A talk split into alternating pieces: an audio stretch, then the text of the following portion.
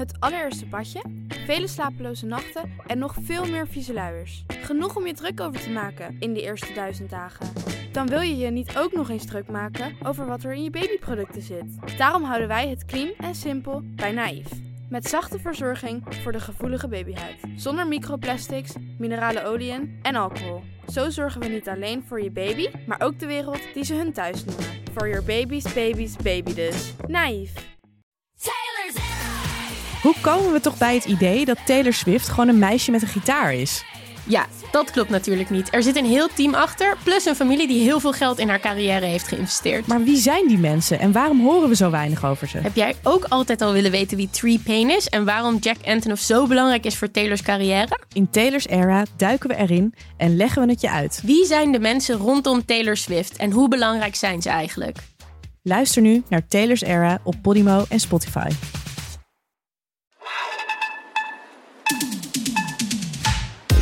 Welkom bij VSR, voorheen Schaamteloos steken.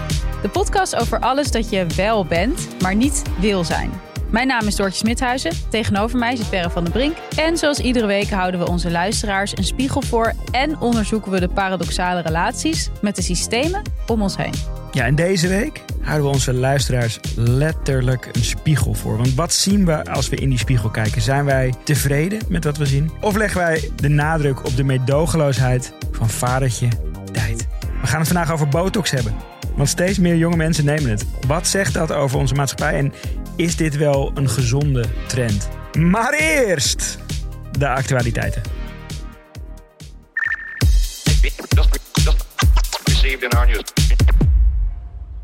Er zijn om te beginnen heel veel actualiteiten binnen de productie van deze podcast. Eh, Ja. Logistieke actualiteiten. Eh, het is één uur Mhm. in plaats van negen uur. We, hebben, we, we komen uit een. eh, eh, ja, we hebben eigenlijk een jaar lang een soort koude oorlog gehad met alle geschiedenis ooit. Mooi, mooie wordplay. AGO, ook Ja. wel genoemd. Ja. Die namen na ons op, altijd Ja. om 11 uur. En dat leidde, hadden geen geduld meer met dat ons. leidde tot frustratie. Ja. En dat, maar ze hadden geen geduld met ons, maar dat was wel met een goede reden. Want wij liepen altijd uit. Ja. Dus op een gegeven moment heeft Timo gewoon gezegd: soms moet je gewoon moet je radicale keuze maken. Dus wij zijn van dat eh, ochtendslot afgehaald. Naar het middagslot. Als straf, eigenlijk. Ja. Ja, straf. Eh, nu zijn we naar middagslot. En Voelt hierna... best wel goed eigenlijk wel. ik vind het ongekend Voelt relaxed. Ik vind het geweldig. Ja. Ja, en eh, hierna gaan we nog gekker maken. Want we gaan naar een soort einde middag borrelslot. Ja. We gaan om half vier of zo gaan we eh, beginnen. Want toen kwam weer een ander conflict of een situatie. Want Julia, onze stagiair, die overigens conflictstudies eh, studeert. Dus die komt van. heel goed van pas ook hier. Mhm. Ehm, die had college nu, dus dat kon ook weer niet. Dus zijn we er nog Meewerkend als wij zijn, zeiden we, weet jij wil. wij waren ineens flexibeler dan Ja. ooit. Ja, dus eh, we gaan naar het einde van de middag. Of de luisteraar daar iets van gaat merken, Dat, Dat dat, gaan we- hoop ik niet. dat gaan Eigenlijk. we zien. Dan, eh, ik wil het gewoon heel graag even hebben over Kim Kardashian en die nippel, nippel BH. Wat ik, ik weet gewoon nog niet wat ik ervan vind. Nou, Nee, ik, ik ben nog een beetje... eh, wat ik er goed aan vind in Want even, geval... even voor duidelijkheid, het is dus een, een BH die zij heeft gelanceerd. Met vorige... Vormde, Vormde de tepels. tepels. Ja, en maar dus met waarvan de opbrengst gaat dan naar een climate fund of zo. The Earth's temperature is getting hotter and hotter. The sea levels are rising. The ice sheets are shrinking. And I'm not a scientist. But I do believe everyone can use their skill set to do their part. That's why I'm introducing a brand new bra with a built in nipple. So no matter how hot it is, you'll always look cold. Dus het idee was van de wereld wordt steeds heter, maar met deze BH heb je altijd koude tepels. Ja, En de opbrengst hiervan gaat naar een milieuorganisatie. dat was mij eerlijk gezegd nog niet eens duidelijk. Maar dat leek mij wel gepast. eh, Ja. Gezien dat het klimaat wordt aangehaald in deze video. Het is een typisch Kim K idee in de categorie Break the Internet. Ik vond het dus de eerste keer dat ik het keek, dacht ik, dit is briljant. Ja, het is netjes uitgevoerd. Briljant. Ja. Ja, het is gewoon heel goed uit. Ja, gewoon- maar goed, toen ging ik de comments lezen. Toen zag ik dat iedereen dus heel kritisch is op dit product. Ze vinden dat ze geld verdient aan, de, Seksualisering. Of, aan seksualisering en aan eh, nou ja, de klimaatcrisis. En waarom zou je een product op de markt moeten brengen om iets te doen aan het klimaat? We hebben al genoeg producten Ja, op de wereld. ja, ja, ja, dat zijn voor de hand liggende argumenten. Waarvan een deel denk ik van ja, inderdaad, je zou niet een. Maar je kunt ook Ja. zeggen van zij of all people kan buitensporig veel aandacht voor dit. Nou, dat was wat ik vooral dacht. Van als je dan op deze manier zoveel aandacht weer krijgt voor dit onderwerp, Ja, vind ik het toch vet. En ja, ik bedoel, harde tables verkopen gewoon. We hadden laatst, eh, toen we was ze eenjarig bestonden, eh, de award eh, genomineerd waren toen voor de award. Toen, nou, toen had Timo een foto van ons gemaakt. Ja. En toen vroeg hij welke zou ik doen. Toen zei ik, ja, doe maar die dat ik harde tepels heb. Heel goed. En je zag ook die likes. Je zag die likes gaan. Ja, en je zag ook meteen het effect wat het op Kim Kardashian heeft. Dat zij Ja, dat laatste zij- sessie van fuck it, laten we het doen. Precies. Dus eh, ik, eh, laten we, gedaan. misschien dat we moeten concluderen dat we gewoon toch positief over deze Wij supporten harde tepels. harde en tepels alles en wat. En alles wat iets doet aan Ja. het klimaat. Iets anders Ik over, dacht echt dat je dit bruggetje ging maken. Oh. Jij gaat nu... een- over harde tepels gesproken. nou, dat is inderdaad wel echt een gemiste kans. Want Ja. ik wilde het hebben over Victoria's Secret. Mhm.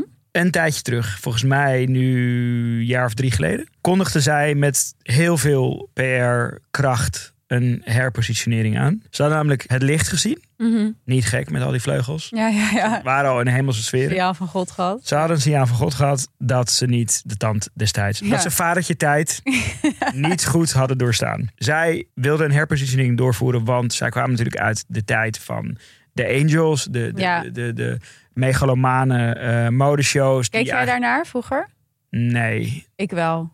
Ja, maar het is misschien net na mijn tijd dat dat Ja? echt een soort ding werd of zo. Ja. Daar als soort puberjongen nog op geilde. Ja, Wat ik, er, wa- wat ik er wel fascinerend aan vond, was dat het, dat het gewoon een merk als entertainment Mhm. kanaal inzette of zo. En dat zij eigenlijk een verdienmodel van die shows wisten te maken. ja. Maar daar gingen ze mee stoppen, want ehm, dat, eh, ja, dat had de tand destijds niet doorstaan. ja, ja, ja. Zij hadden, zij Want het was gewoon te seksualiserend, niet woke. Het was gewoon echt een soort meer super- oude wereld het was dan gewoon dit. zo misogyn. Ja, Maar dat was het ook echt. Ik weet nog dat ik daar naar keek, was ik 15, 16. Dacht ik gewoon, oh, zo ziet een vrouw er dus uit. En zo zie ik er niet uit, want zo ziet niemand eruit. Dus toen dacht zij, we gaan het antigif van dit idee introduceren. Zij kwamen met nieuwe eh, brand ambassadors zoals Megan Rapinoe, de, de, de superster uit het ehm, Amerikaanse ehm, eh, voetbal. En daar deden ze dan een campagne mee. Die eh, beeldtaal was totaal anders. Inclusiviteit stond voorop. En Megan Rapinoe vertelde in die filmpjes dan ook... mocht zich ook uitspreken over dat oude Victoria's Secret. Ja, Dat dat patriarchaal was. Dat dat niet meer van deze tijd was. En zo gingen ze voorwaarts. Mhm. Wij hebben samen eventjes naar de feed van, van Ja. eh, Victoria's Secret ge- gekeken. Dat is ook echt een extreem inclusieve Ja. feed. Dus de diversiteit viert nog steeds hoogtij. Mhm. Maar, ja. er is een grote maar Ja. hier. De resultaten eh, van de afgelopen tijd werden laatst bekendgemaakt. Mhm. Die lopen achter. ja. Het gaat niet goed genoeg met eh, Victoria's Secret. Ze eindigen dit jaar op 6,2 miljard. Mhm. En ze komen eh, van 7 miljard uit of in 2018. Dat is dus een verschil van 800 miljoen. Maar wat hebben ze daar dan zelf over gezegd? Zeggen ze dan, we gaan nu weer keihard seksistisch? Nou, wat, wat, de, wat de, de CEO, een man, Ja. Eh, daarover zegt is... Despite everyone's best endeavors, Mhm. it's not been enough to carry the day. Ja. En hij zegt eigenlijk van... Jongens, we hebben dit geprobeerd. Het werkt niet voor ons. Ja. Wij gaan terug naar het oude. Oh ja, dat hebben ze echt gezegd? Ja. Oh, wauw. Ja. Ja. Ik vind het zo leuk dat je dit aanhaalde, want dit is dus een best wel groot thema ook in mijn boek. Mhm. Mijn nieuwe boek. Dit is toch echt de Zullen we die essentie. tune, Ja, die editorial doen? MC Prax moet nu even met de kapitalisme. Want dit is precies. Kapitalisme is seksisme. Ja, Want je kan ook zeggen: oké jongens, we hebben minder winst gemaakt dan we misschien in 2018 maar we deden. hebben iets Maar belangrijks. we doen wel goede Ja. dingen voor het vrouwbeeld van mensen. Want ik bedoel, ik weet zoals heel veel andere vrouwen hoe, hoe erg het fukt met je hoofd om gewoon eh, eh, dat soort modellen constant te zien in zo weinig kleren. En alsmaar het idee te hebben dat dat normaal is. Ja. Terwijl dit vrouwen zijn die gewoon hun hele leven draait erom om zo dun mogelijk te Ja. zijn. Ja, dus, dus, dus waar ik heel benieuwd naar ben, is want, want toen zij die herpositionering deden, Mhm. toen werd dat, vond ik, opvallend goed ontvangen. Eh, dus de, de, de intenties werden, eh, ja, de, de, de soort gemiddelde narrative was toch van, nou oké, weet je, van, van alle merken is het wel fijn dat zij die stap zetten, zeg Ja. maar. Ehm, dus laat ze een kans geven. Maar wa- waar ik gewoon heel benieuwd naar ben, is hoe, dit, hoe je dit dan gaat terugdraaien, zeg maar. Dus, kortom, laten we die feed in de gaten houden. En laten we kijken hoe dit langzaam maar zeker weer terug Weer gewoon keihard seksistisch wordt. naar het patriarchaat. Leuk. Oké, we gaan het over botox hebben. Maar eerst gaan wij nog één keer. Ja, het is ongelooflijk. Het is echt aangebroken Ja. week. Het is Fairtrade Week, dames en Fairtrade heren. week.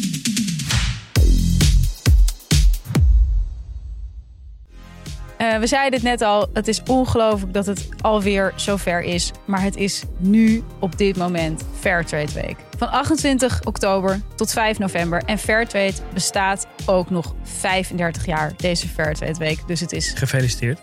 dubbel feest. En Fairtrade Week is de week om extra te laten zien hoe belangrijk boeren en werknemers in Azië, Afrika en Latijns-Amerika zijn als het gaat om ons eten en ons katoen. Dus tijdens de Fairtrade Week werken supermarkten, merken en bedrijven samen om Fairtrade producten extra onder de aandacht te brengen. Veel merken geven korting op deze producten zonder dat dit ten koste gaat aan de prijzen voor de boer uiteraard. Vrijwilligers organiseren Fairtrade activiteiten door het hele land. En de grote vraag is natuurlijk wat gaan wij doen nu eindelijk de week weer is aangebroken waar we het hele jaar eigenlijk naartoe hebben geleefd? Berre, wat ga jij deze Fairtrade week? Ja, het is heel ongezellig om, te, om dit te zeggen. Oké, ga je het toch zeggen? Ik ga de Fairtrade Week alleen besteden. Zonder jou. Oké. Ja, dus Want ik heb toch besloten om een, om een focus te leggen op consumeren. Oké. Tijdens de, de Fairtrade Week. Ik, ik wil gewoon die initiatieven ondersteunen. En er is mij net een digitaal boekje, heb ik net doorgelezen. Mhm. Dat is eigenlijk, je zou het kunnen omschrijven als een woke bonusfolder. Oké, leuk. Eh daar, daar staat ramvol met goede producten voor, voor best wel aantrekkelijke prijzen. Ja. En nogmaals, dat gaat niet ten koste Mhm. van de inkoopprijs. Ja, dus ik had een heel plan om tijdens Fairtrade Week echt soort, het land in te dat is gaan. ook een beetje onze ADE natuurlijk. Ja. Precies. Ja. Maar ik heb besloten om hem toch thuis te gaan doorbrengen. Ja. Ehm, de huishoudpot erbij te pakken. En gewoon even goed in te slaan. En een heel verantwoord bedrag uit te geven aan Fairtrade producten. Een verantwoord bedrag aan Niet te verantwoorde veel, producten. niet te veel, niet te weinig. Perre, ik kan alleen maar zeggen wat ontzettend leuk voor jou. Wil jij nou, net zoals Perre, eh, helemaal opgaan in deze Fairtrade Week? Dan kan dat. Er zijn 12.000 Fairtrade producten eh, te koop in de winkel. Die zijn allemaal beter voor mens en milieu. Eh, die hebben allemaal het groen-blauwe keurmerk. Koop ze, doe er onderzoek naar, lees erover. Ga naar de supermarkt, kijk wat er allemaal is. En maak een positieve impact. En geniet van Geniet deze. Fairtrade Week.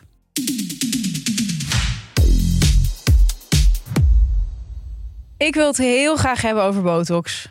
Ja, Ik heb het er eigenlijk al de hele tijd over. je hebt het eigenlijk continu over. Ja, eh, maar nu dus een keer eh, Nee, lijkt mij ook on air. Het is bij mij sinds anderhalf jaar of zo Mhm. in mijn omgeving zo Hot. ontzettend normaal. Nee, het is niet eens meer hot. Het is normaal. Botox is super normaal onder vrouwen van 30. Ja. Dat heb ik echt de afgelopen, ja, wat ik zei, anderhalf jaar zien veranderen. Ik weet dus niet of het komt omdat ik de 30 gepasseerd ben of omdat het eh, Ineens. ineens normaler is. Maar goed, we hebben voor deze aflevering wat onderzoek gedaan. En het blijkt toch vooral het laatste te zijn. Dat mensen steeds jonger botox nemen. Ja, en ook rond die leeftijd die jij noemt. Daaraan beginnen, ja, dat hele preventieve verhaal.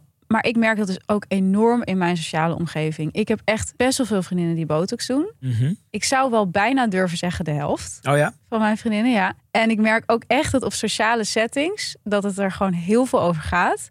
En dat vrouwen ook echt dus zo naar elkaar praten. Dus ik kijk nu naar jouw voorhoofd. dus dat, dat ik op een gegeven moment soms gewoon tegen mensen zeg van... ik doe het niet, weet je wel.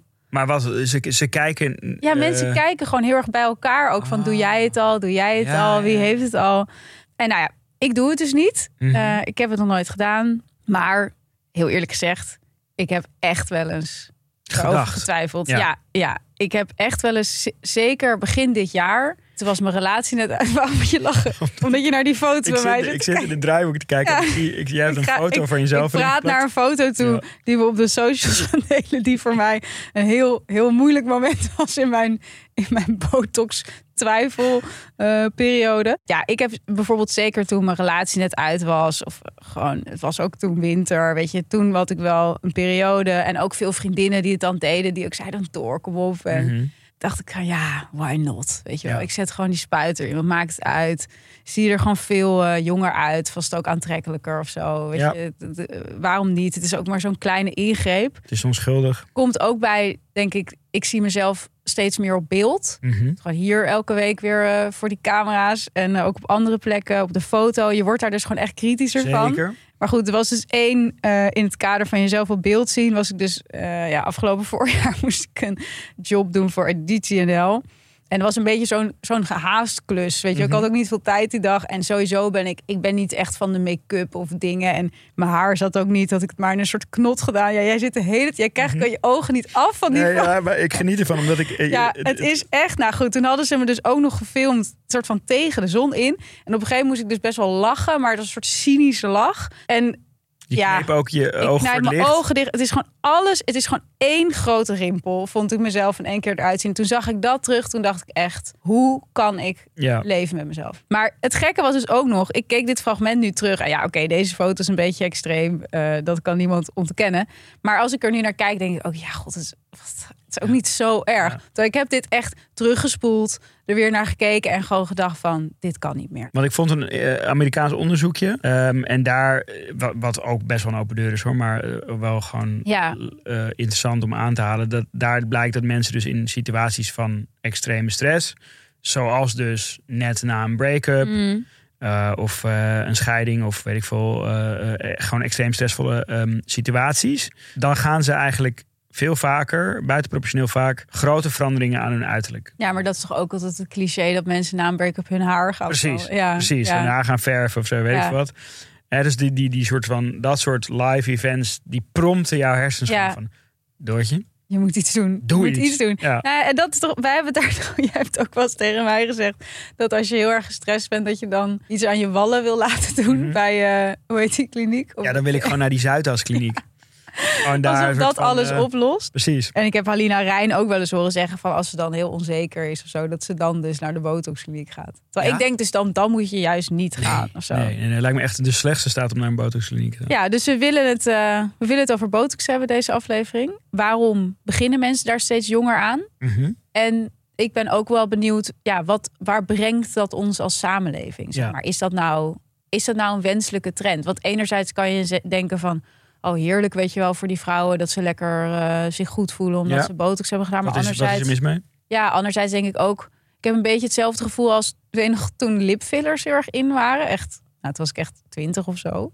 Toen had in één keer Heb jij het die zijn toch nog steeds gaande? Die zijn nu toch wel. Het is wel minder standaard om lipfillers te hebben. Ik had op een gegeven moment met lipfillers wel dat echt iedereen dat had.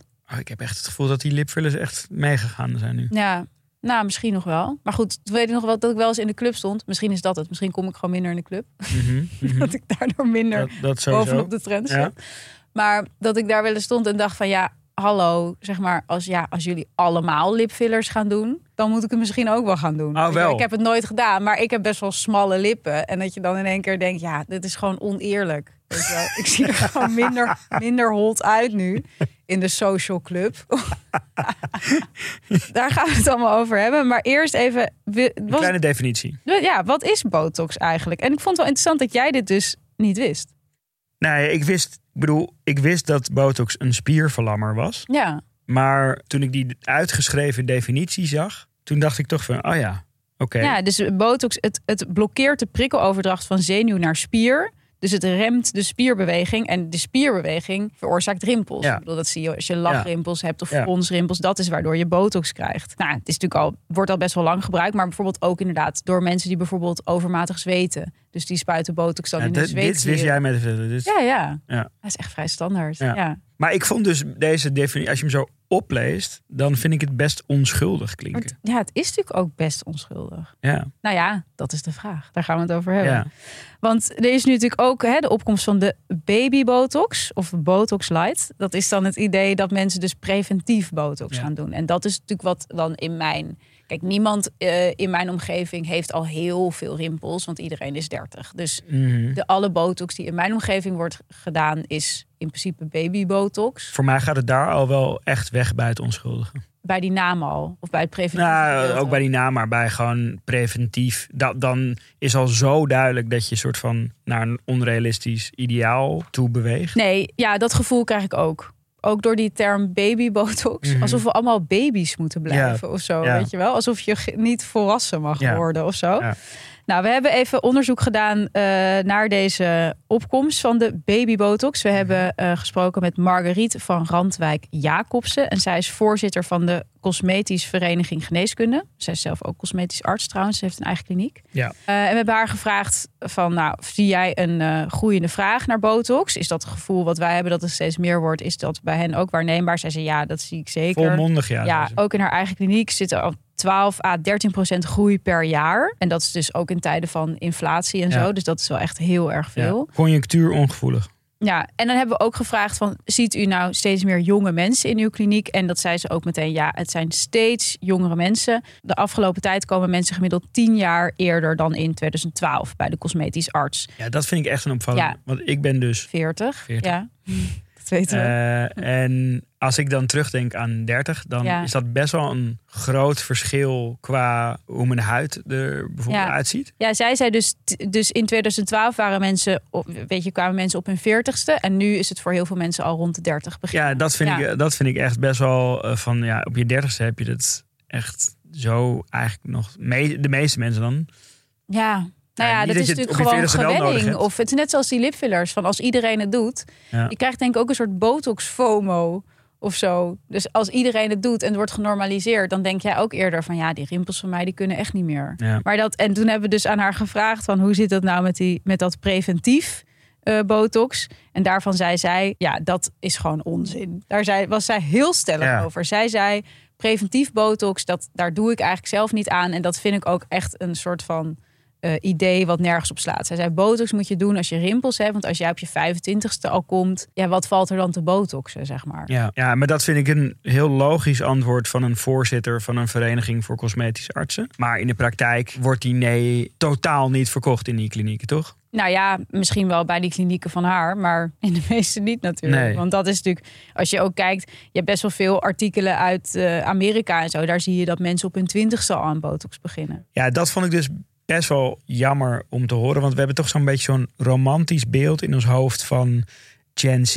En zij, zij zijn juist de generatie die gaan afrekenen met van die conventionele beauty standaarden. Maar hier zie je dus eigenlijk Ja. hoe diep dit soort normen eh, ja, in onze cultuur eigenlijk zitten. En eh, een ander onderzoek, ik quote ik even uit, of een, een artikel, sorry, niet onderzoek, zegt: For Gen Z, Botox has become another way to personalize the way they look. Ja. It's now treated like a haircut or hair color. Ja, maar het is natuurlijk ook, dat is natuurlijk het ding. Die botox is zo ontzettend genormaliseerd. En jong is natuurlijk nog altijd wat we uiteindelijk willen als het gaat om Ja. schoonheidsstandaarden. Dat is ja, hoe, wat, wat iedereen wil uitstralen. En zeker als het natuurlijk gaat om sociale media. Ik bedoel, enerzijds natuurlijk al die selfies en dingen, allemaal dat, dat soort van dat perfecte uiterlijk. Maar ook, ja, ik, ik vraag me af of jij dat ook hebt. Maar ik word dus, ik word dus voor twee dingen heel erg getarget. Mhm. Gewoon alles met baby's, eh, zwangerschapstesten, artipol, whatever. Ja. En botox. Botox, botox, botox. Ik krijg alleen maar eh, reclames in mijn Instagram van klinieken die me beloven: niemand gaat het zien. Niemand Ja. gaat merken dat jij botox hebt gedaan. En als je dat natuurlijk heel vaak ziet, dan wordt het ook voor je gevoel gewoon normaler. Dus dat werkt ook bij jou een beetje. Terwijl vaak als ik dan op die boot, als ik dan daarop klik, dan zie ik dat bijvoorbeeld zo'n kliniek op Instagram maar iets van duizend volgers heeft of zo. Dus het is misschien niet eens zo normaal, maar omdat ik het zo vaak zie, ga ik denken dat het gewoon normaal is. En dat zie je dus ook in Nederland. Dat tussen 2016 en 2019 is het aantal cosmetische behandelingen met 15% toegenomen. Dat bleek eh, uit onderzoek van het Erasmus MC. En het aantal klinieken voor plastische ingrepen is de afgelopen 10 jaar vervijfvoudigd. Ja. Er zijn nu 200 van dat soort klinieken in Nederland. En dat is meer dan dat er Dirk supermarkten zijn. Dit wil zeggen de mindblown Ja. vergelijking van meer Hoe vaak- cosmetische klinieken dan Dirk. maar hoe vaak zie je een Dirk supermarkt? Best vaak. Dus nog meer Ja. van zijn er klinieken waar je botox kan halen. Maar ook weer zo'n eh, targeting ding. Hè? Want Ja, ik heb nog nooit een, een ad. Eh, nee. En dat ja, waarschijnlijk na deze ga aflevering je wel, alleen maar, maar worden. Maar dat vind ik dus ook niet heel gek. Want ja, kijk, het is natuurlijk zo... en daar doe ik in mijn nieuwe boek ook veel onderzoek naar. Kijk, de- de druk op esthetisch kapitaal wordt gewoon steeds groter. Dus esthetisch kapitaal is... je hebt sociaal kapitaal, cultureel kapitaal... en sinds 2014 meet het Sociaal Cultureel Planbureau ook esthetisch kapitaal. Dus de mate waarin je past bij het heersende schoonheidsideaal. En dat wordt gewoon steeds bepalender, omdat we natuurlijk steeds meer onszelf profileren op TikTok, steeds meer in Zoom-calls zitten. We Mhm. kijken steeds meer naar ons eigen gezicht en dat van anderen. En daardoor gaan we er ook steeds kritischer Ja. op zijn. En wat daarbij ook speelt, is dat het dus voor vrouwen veel bepalender is dan voor mannen. Het is geen, ja, dat, dat voelde je waarschijnlijk al aan, of je nou vrouw bent of man, dat dat doorslaggevender is op veel eh, gebieden Mhm, voor vrouwen dan voor mannen. Maar dat is dus ook heel vaak becijferd de laatste tijd. Eh, er was bijvoorbeeld een heel interessant artikel uit The Economist. Ehm, volgens mij een jaar geleden of zo stond dat erin. En ik vond dat echt, hoewel je dus wel weet en aanvoelt, ook als vrouw, dat het zo is. Als je het dan Mhm. zo zwart op wit ziet en gewoon becijfert, is Dan het zo deprimerend. Het raakt Wat- mij wat echt was het punt? enorm. Nou, het punt is dus dat een dun lichaam voor vrouwen de kans op een hoger inkomen vergroot. En dan kan je denken van, ja, maar dunne mensen hebben altijd veel succes. Of zijn succesvoller, of misschien ook, weet je wel, is het een soort vicieuze cirkel. Maar voor mannen is dat dus niet zo. Nee. Nee. Dat maakt voor hen niks uit. Dus bij vrouwen is in principe, dus Ja. kan je gewoon de matrix zo uittekenen. Hoe dunner de vrouw, hoe hoger de salaris. Terwijl mannen, die, die hebben die relatie niet. Dus dikke mannen verdienen evenveel als slanke mannen. Met andere woorden, vrouwen krijgen een bonus Ja. op een slank lichaam. Ja. Ja, En hadden ze op een gegeven moment, dan wordt het echt heel cynisch, hadden ze ook uitgerekend dat het voor een obese vrouw meer extra salaris zou opleveren om af te vallen dan om een extra studie te doen. Het is echt zo'n grove statistiek. Ja, maar snap je, als je zoiets leest, dan kan je gewoon ook niet meer verbaasd zijn over het gegeven dat zoiets als Ozempic, hè, dat diabetesmedicijn waar je heel snel van afvalt, dat dat nu zo populair is. Want vrouwen hebben gewoon serieus profijt van een dun lichaam. Fucking Het is een statussymbool, maar het is ook dus gewoon een manier om letterlijk carrière te maken. Ja, echt, echt bizar. Ja, ben wel trouwens in dat, in dat mannending nog even gedoken. mhm. was toch wel benieuwd, want ik word dus inderdaad nooit getarget. Na deze aflevering dus wel, maar ja. voorheen niet. Maar er is wel stijging in eh, het aantal mannen dat botoxbehandeling ehm, ondergaat. Oh ja? Ja, er is wel een stuk minder onderzoek naar gedaan. Dus ik moest wel iets langer zoeken voordat ik dingen vond. Maar ehm, ik vond een aantal cijfers over Nederlandse behandelingen. Eén onderzoekje zei dat 15% van de Nederlandse behandelingen door, eh, bij mannen werd uitgevoerd. Een andere 12,5%. En een andere 6%. Maar dan in datzelfde eh, onderzoek zegt een arts dat het 20% is. Dus ja. Laten we het gemiddelde van deze dingen nemen. Dan zit je ongeveer op 1 op de 8 behandelingen is dan eh, eh, bij, een, eh, bij een man. En in de US, ehm, wat altijd zeker Mhm. op plastische chirurgie gebied Ja, ja. Absoluut de voorloper is. Daar is dat aandeel mannen al, eh, al veel, ehm, veel hoger. En dit was een, vooral de interessantste fonds die ik ehm, heb ge- gezien. Dat het vooral mannen zijn die tijdens de eh, pandemie ontevreden waren over hun gezicht. En Zoom, Zoom. dysmorphia Ja, ja, ja. ontwikkelden. Ja, dat, Dat is... vond ik dus best wel een rare statistiek in de context die jij net hebt geschetst. Hoezo? Dat mannen eigenlijk een keer naar zichzelf kijken. Nou ja, dus dat, je zou toch dan verwachten met, al, met dat esthetische kapitaal Ja, dat de druk op uiterlijk bij als de druk op uiterlijk bij vrouwen zoveel hoger is, dan zou je verwachten dat in een pandemie waar je de hele dag in kool zit, dat Ja. veel meer vrouwen zoom dysmorphia zouden ontwikkelen. Maar dat bleek Oh, dus maar- meer mannen te zijn. Oh, meer mannen hebben zo. Maar ik denk dus dat mannen voor het. De, de- ik vind dit heel grappig, omdat ik denk dat mannen dus voor het eerst eigenlijk echt geconfronteerd worden met hun uiterlijk en met onzekerheden daarover. Want dat zie je ook altijd uit die onderzoeken van het Sociaal Cultureel Planbureau. Dat dus vrouwen zijn veel onzekerder over hun uiterlijk dan mannen. En dat komt natuurlijk omdat er voor vrouwen gewoon veel meer van afhangt. En het is Mhm. inderdaad zo dat sowieso maatschappelijk gezien uiterlijk voor mannen ook steeds bepalender wordt. Alleen voor vrouwen is het gewoon is dat al... zo? Ja, dat is zo. Maar alleen voor vrouwen is het gewoon al zo fucking lang zo bepalend. Dat vrouwen staan gewoon 10-0 achter, zeg maar, Mhm. in die wedstrijd. En voor mannen eh, begint het nu ook een beetje te tellen. Dus, Dus, ik jij vind denkt dat, dat, het buitenproportioneel eh, effect had in COVID-tijd, nou, omdat het de eerste keer is ja, ik vind dat Zoom dysmorphia heel grappig. Omdat dus ik denk van ineens hebben mannen zichzelf de hele tijd gezien, gedwongen, zeg maar. En, en dus voor het eerst ook dus door maatschappelijke druk. En dat ze misschien een keer een vriend gehoord hebben van ook doe botox. Dat ze daardoor misschien eerder hebben gedacht van ik moet er iets aan doen. Terwijl vrouwen gewoon al hun hele leven denken van wat, moet ik allemaal Mm, doen. Dus dat, ja, precies. En dat is gewoon waar ik net ook over had. Van, dat is gewoon zo, omdat het voor bewust of onbewust voelen vrouwen dat het hun uiterlijk gewoon op elk vlak in het leven eigenlijk bepalend is. Dus of het nou gaat om een partner vinden, maar ook dus om zakelijk succes. Ik las een heel interessant artikel ook op Refinery, dat dus bij heel veel vrouwen, in, in, in, in Amerika is dat dan, uh, maar ik zou best wel eens willen zien hoe dat in Nederland is. Um, gemiddeld genomen gaan vrouwen veel minder, uh, krijgen vrouwen veel minder salarisverhoging vanaf hun 39ste. Terwijl het salaris van mannen blijft gewoon hun hele carrière toenemen.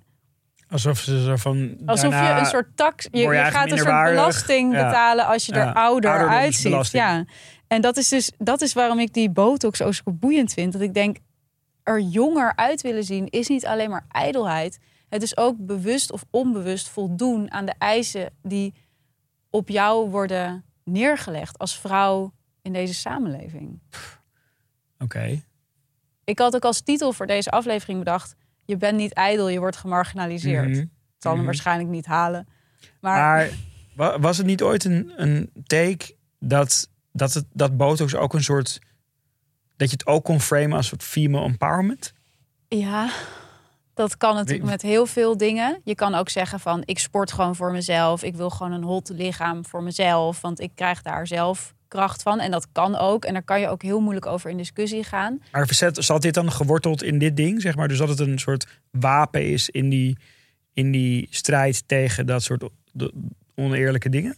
In welk ding? Nou, dus bijvoorbeeld dat je vanaf je 39ste uh, gewoon stelselmatig uh, minder loonsverhoging krijgt mits je er dus jong uitziet. Nou ja, dat kan ik me voorstellen. Maar dat, dat, dat soort dingen gaan natuurlijk ook heel onbewust. Ja. Dat is dus ook, ik, ik vond het ook een goed uh, artikel op Refinery over een vrouw die dus beschrijft dat ze dus botox heeft gedaan. En daarna een soort botox schaamte ervaart. Want zij wordt daarna veel meer geaccepteerd op haar werk. En ze kijkt ineens om zich heen en ze ziet, wow, alle vrouwen die hier werken zijn eigenlijk 40 min. En alle mannen zijn zeg maar 50 plus. Ja. En ik heb nu, doordat ik botox heb gedaan, heb ik mezelf een soort van ja, geaccepteerder gemaakt binnen, ja. binnen mijn werk eigenlijk. Maar daar, daardoor voelt ze zich meteen eigenlijk heel schuldig. En dat snap ik ook, omdat ze dus eigenlijk zich conformeert aan een patriarchaal systeem. Vaak niet, niet bewust, hè? Ik bedoel, dat, dat beschrijft ze ook. En leeft dit dan, want je begon de, de bij mijn vriendin. Ja, aan het begin zei je dat, dat, dat, dat, uh, dat er gewoon heel expliciet en open over gepraat wordt. Maar is dit dan nooit de narrative van nee, dat gesprek? eigenlijk niet. Nee, ik denk, dus dat, ik denk dus dat heel veel vrouwen ja, toch wel echt het idee hebben dat ze botox nemen voor zichzelf. En ik vind het ook moeilijk om daarover in discussie te gaan. Ja. Want ik denk, ik kan me dat gevoel ook voorstellen. En ik bedoel, ik ben ook een vrouw en ik ben ook uh, ijdel op gezette tijden. Ik bedoel, voordat wij hier gaan opnemen, ga ik altijd eerst nog even make-up opdoen. Mm -hmm. Jij niet, weet je wel. Dat, heel af en toe. Heel af en toe doe Als ik ook een slechte nacht bij jou. maar snap je, ik, ik, en dan, ik, ik heb dan niet het gevoel van... Oh, dat doe ik omdat het pad gaat het van mijn vrouw. ik denk dan gewoon, oké, okay, knal er even. Wel zin om dit nu de volgende keer tegen jou te zeggen. ja, heb je weer opgemaakt voor patriarchaat. Nou ja, ik, dat is het ding met dit soort, met die systemen. Vaak heb je niet door dat je je conformeert.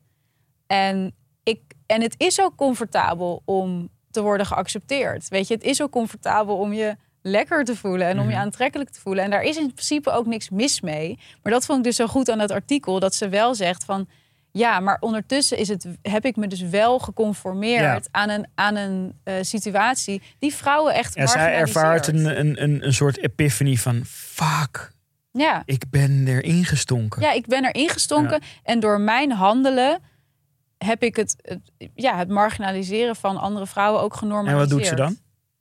Nou, niks, want volgens mij kan je die botox Ja, je niet eruit niet halen. ja, dus Ja, je kan wel niet nog een keer botox Nou, een nemen. artikel schrijven op Refinery. Ja. Nou, dat vind ik best goed dan. Ja. Zo dadelijk gaan wij besluiten of wij wel of niet injecties in ons gezicht gaan eh, Mhm. ehm, Ja. doen. Live in de podcast. Maar daarvoor gaan wij het hebben over Sky Showtime.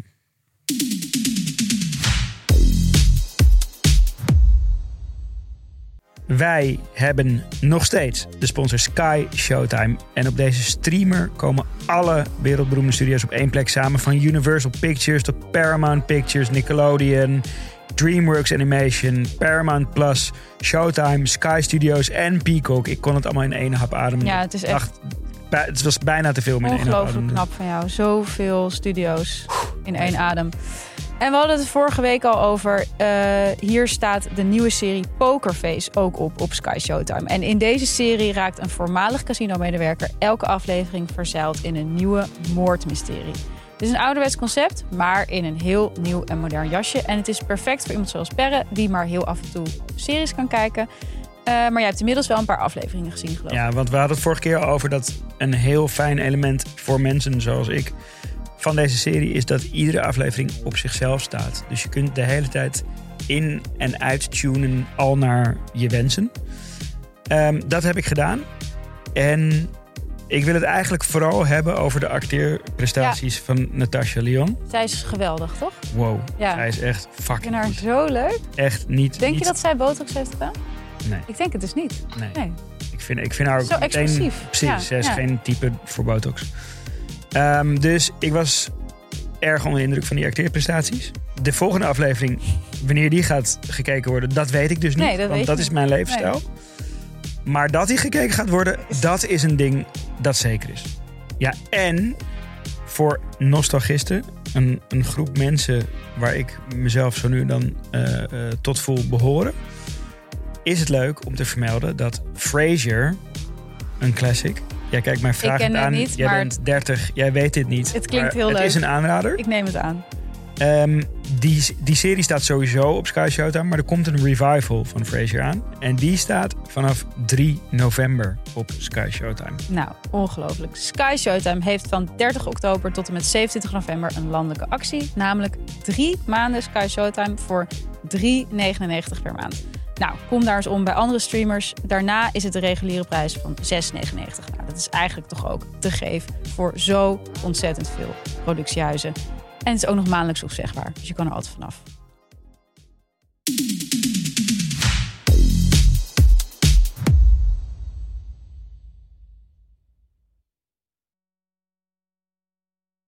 Wie gaat eerst?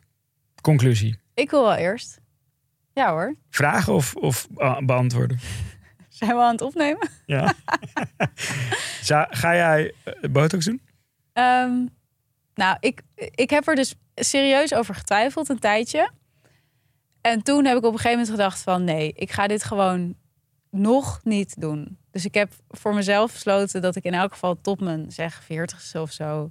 Beetje de, de, de voorheen gangbare en ik leeftijd. kan ook nog... Ik, heb, ik ben heel eerlijk gezegd nog nooit bij een schoonheidssalon geweest. Nee? Gewoon nul keer in mijn Ik, leven. ik ook niet, denk ik. nee.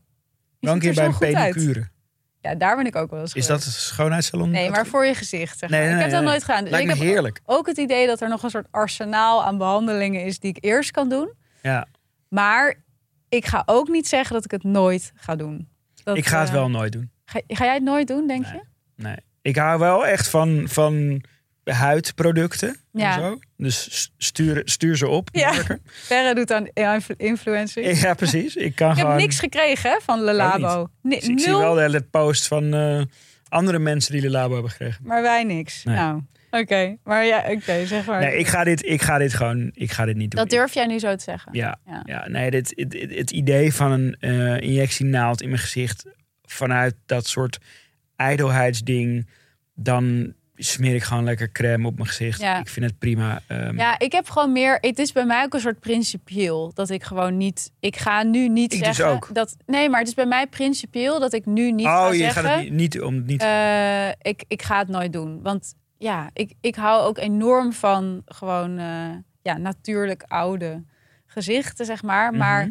ik kan me ook voorstellen dat je dus op een gegeven moment een soort botox FOMO krijgt en ja, ik zou het, ik zou het te verheven van mezelf vinden om nu te zeggen, ik ga dat niet doen. Want ik, ik, ik, de realiteit is ook dat ik eh, deels ook, ja, zoals veel andere vrouwen die wel botox doen, eh, ook deels mijn geld verdien met mijn gezicht. En eh, ik kan me gewoon voorstellen dat er een dag komt waarop ik denk, ja, misschien, misschien toch nodig, ja. Ja. En als je, kijk, ik denk ook, het is een soort, soort kip-en-ei verhaal, weet je wel. Want als je je daardoor comfortabeler voelt over je uiterlijk en je bent daardoor ontspannender en je doet daardoor beter werk of zo, Mhm. ja, moet je dan uit principe dat dan niet gaan doen. Om je te verzetten tegen het Tegen patriarchale systeem. Ja, en daarvan denk ik, inmiddels ben ik wel een beetje tot de conclusie gekomen van, ik denk niet dat ik die strijd alleen ga winnen. Dus misschien dat ik dan mezelf dat vergeef. Ja, precies. Maar voor de komende jaren heb ik het. eh heb Maar je ik het kan gewoon... eigenlijk niet met een, een botox, gebotoxed gezicht op de achterkant van alle eh, kapitalisme en seksisme staan. Dat is precies wat die tv-kijker laatst tegen mij zei. Dat ik niks Nee, mocht nee, zeggen nee. over Ozempic, omdat ik zelf ook duidelijk zoveel aan Ja, maar dat, is, dat zou toch na deze aflevering, eh, nu het zo duidt, zou dat wel... Ja, maar of ik kan juist zeggen van kijk wat ik allemaal heb moeten doen. Ja. Vanwege het kapitalisme en het seksisme. Ik ben een, een martelaar. En look at me now. Look at me now. Nou, precies. Ik denk, ik denk hoe ik vooral weer uit deze aflevering kom is... Maar dat gevoel heb ik eigenlijk de hele tijd. Is dat ik denk, don't fix the women, fix the system. Weet je, zolang er een norm is waar vrouwen zich aan moeten aanpassen... zullen ze dit soort dingen gaan doen. Ja. Zolang vrouwen meer worden afgerekend op hun uiterlijk dan mannen... zullen ze botox gaan gebruiken. Zullen ze fillers gaan gebruiken. Zullen ze lipfillers gaan gebruiken. Dat gaat gewoon gebeuren. Ja. Dus ik vind het ook op een bepaalde manier heel eh, normerend om te zeggen: mensen die botox doen eh, zijn dom of zo. Weet je wel? Zo van, Mhm. het, het, is voor, het, is, het is ook iets waar, waar je onbewust naartoe wordt bewogen. Zeker. Nee, en wat dat betreft had ik wel nog een klein lichtpuntje Nou, eh, vertel. ontdekt. Ehm, ik ken iemand eh, van vroeger, ehm, die is eh, cosmetisch arts geworden. En die heeft ook een soort opleidingsinstituut voor cosmetische artsen opgezet. En daar worden dus gewoon nieuwe behandelmethodes en dergelijke gedoseerd. Maar, zag ik, in dat Mhm. curriculum zit ook een vak wat gewoon uitzoomt en eigenlijk gaat over beautystandaarden en de soort culturele context van beautystandaarden. En daarvan dacht ik van, nou, dat vond ik wel een soort mooi stapje dat je Een soort niet bewustwording. ja, dat er gewoon in ieder geval aan een soort nieuwe generatie cosmetisch artsen dat als vak wordt gegeven. Dat lijkt mij een soort goed begin om daar misschien wat scherper over Is te gaan dit, nadenken. is dit Dr. Jani? Dit is zeker Ja, ook Liani. Daar gaan heel veel van mijn vriendinnen heen. Ja. Dus het doet, het doet het ook goed voor hem, die, bewustwording. Super mooi. Dankjewel, Dr. Jani. Tot volgende week.